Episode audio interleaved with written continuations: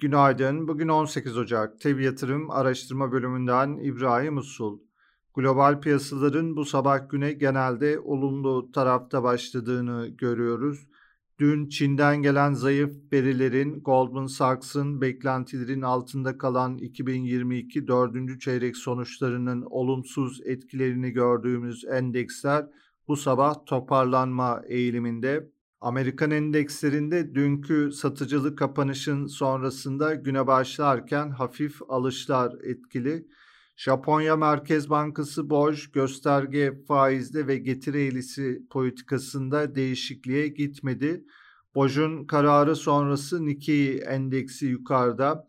Japon yeni ABD doları karşısında bir miktar geriledi. Asya borsalarının güne başlarken genelde olumlu tarafta hareket ettiğini takip ediyoruz. Avrupa borsalarının yukarıda açılması bekleniyor. Dolar endeksi son 7 ayın en düşük seviyelerinden yükseldi. ABD tahvil faizleri geriliyor. Ons altın bu sabah satıcılı. Amerika'da bugün Aralık ayına ilişkin üfe, parakende satışlar, sanayi üretimi, kapasite kullanım oranı verileri gelecek. Akşam Türkiye saatiyle 22'de Amerikan ekonomisinin genel durumunu değerlendiren 5 kitap raporu bulunuyor. Euro bölgesinde Aralık ayı enflasyon rakamları takip edilecek. İçeride bugün önemli bir veri akışı bulunmuyor. Yarın para politikası kurulu toplanacak. Borsa İstanbul tarafında ise dün pozitif kapanış gördük. BIST endeksi günü %2.06 yükselişle tamamladı. Borsa İstanbul'da bugün de olumlu seyrin korunmasını öngörüyoruz.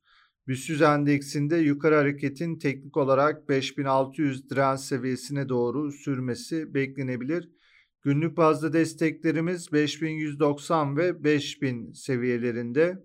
Hisse tarafında endekste yükselen hareket içinde teknik olarak Aselsan, Galatawind, Garanti Bankası, Gen İlaç, Indes Bilgisayar, Koç Holding, Korsa, Migros, Özak Gayrimenkul, Torunlar Gayrimenkul, Türksel, Türk Hava Yolları hisseleri olumlu tarafta takip edilebilir.